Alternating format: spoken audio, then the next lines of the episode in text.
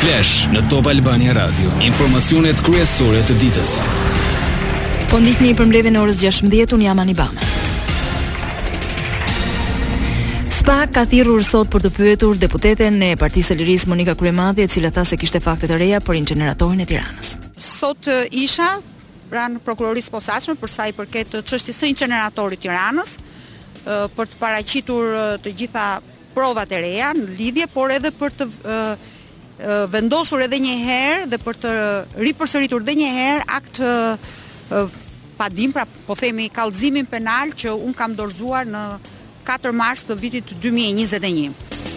Sakaq për inceneratorët e tjerë të të Fierit dhe Tiranës në datat 1 dhe 2 shkurt do vendosë një tjetër drejtësi ajo e gjyqtarëve paraprakë do shprehen për hetimet.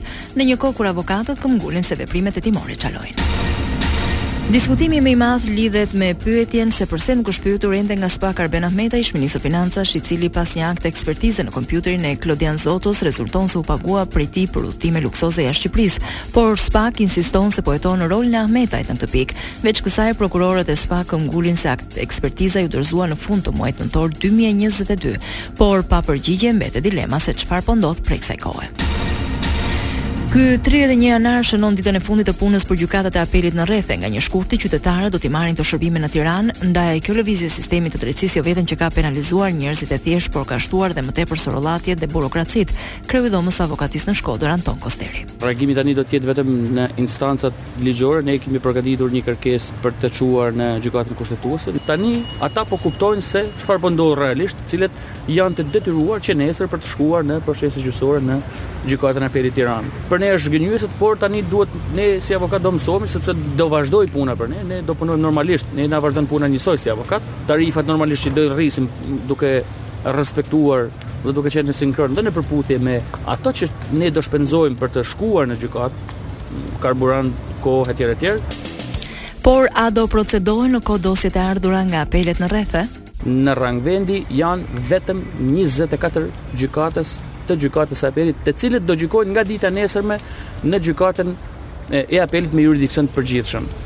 Do të thotë, këto njëzet e katër gjykatës, të cilët gjykojnë në tetë trupa gjykuese, më falni, kanë vetëm Gjashtë salla.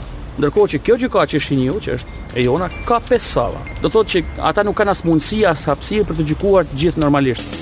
Në total janë tridhjetë e dy mijë çështje që do gjykohen në Gjykatën e Apelit Tiranë.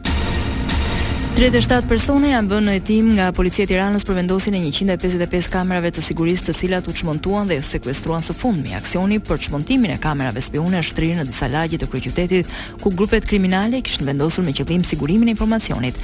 dhe vëzhgimin e lëvizjeve të policisë. Shqipëria ka përparuar me një pikë në total është me tridhjetë e gjashtë nga tridhjetë e pesë pikë vitin e kaluar, kështu thuhet në raportin vjetor që mat nivelin e korrupsionit të Transparency International.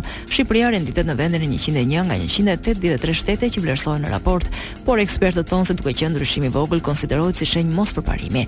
Shqipëria ka të njëjtën sasi pikësh me Serbinë, Turqinë, Ekuadorin, Panamanë, Perunë, Sri Lankën dhe Tajlandën. Në raportin e përvitshëm të publikuar sot, organizata Transparency International konstaton se pjesa më e madhe e botës vazhdon të dështojë në luftën kundër korrupsionit. 95% e vendeve kanë bërë pak ose aspak përparim që nga viti 2017 sipas raportit. Indeksi rendit 180 shtete dhe territore sipas perceptimit të nivelit të korrupsionit në sektorin publik, sipas mendimit të ekspertëve dhe njerëzve të biznesit. Komisioni Qendror i Zgjedhjeve më 14 maj do realizojë votim dhe numërim elektronik në tre bashki, ato janë Vora, Kamza, por dhe Bashkia e Elbasanit, ku përveç makinerive të forta elektorale që aktivizojnë partitë, do aktivizohet dhe një tjetër makineri, ajo e numërimit të votave. Kur qytetarët e Elbasanit, Kamzës dhe Vorës i drejtohen kutive të votimit të dielën e katërmbëdhjetë majit, nuk do presin shumë për të mësuar emrin e kryebashkiakut të ri vetëm pak orë pasi qendrat e votimit të mbyllen. Lajme nga rajoni. Ambasada amerikane zhvilloi një takim me përfaqësues të institucioneve, partive politike dhe shoqërisë civile për themelimin e Asociacionit të Komunave me shumicë serbe që sipas SHBA-së është më se e domosdoshme të zbatohet si marrëveshje.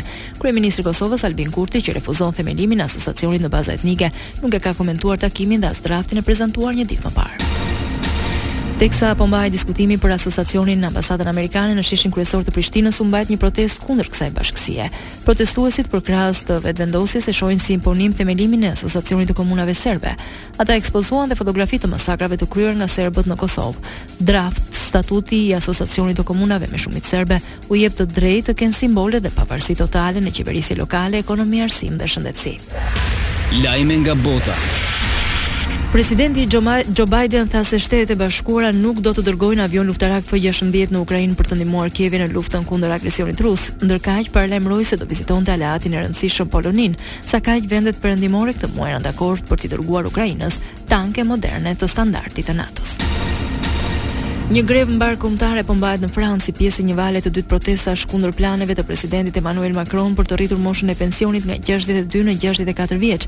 Tetë sindikata të mëdha janë bërë pjesë e aksionit që paralizon sektorë të ndryshëm, duke prekur nga shkollat e transporti publik deri tek rafineritë e naftës. Në një gjimnaz të Parisit situata degjeneroi në dhunë dhe përplasje mes policisë dhe demonstruesve që kishin bllokuar hyrjen e godinës. Një aleancë me 6 parti të opozitës pak para zgjedhjeve presidenciale në Turqi prezantoi program të përbashkët. Programi parashikon pas një fitoreje në zgjedhje kthimin nga sistemi presidencial në atë parlamentar. Në Turqi zgjedhjet presidenciale janë planifikuar të zhvillohen më 14 maj, ndërsa Erdogan do të rikandidojë sërish. Këtu kemi përfunduar, edicioni i radhës është në orën 17. Kjo është Top Albania Radio.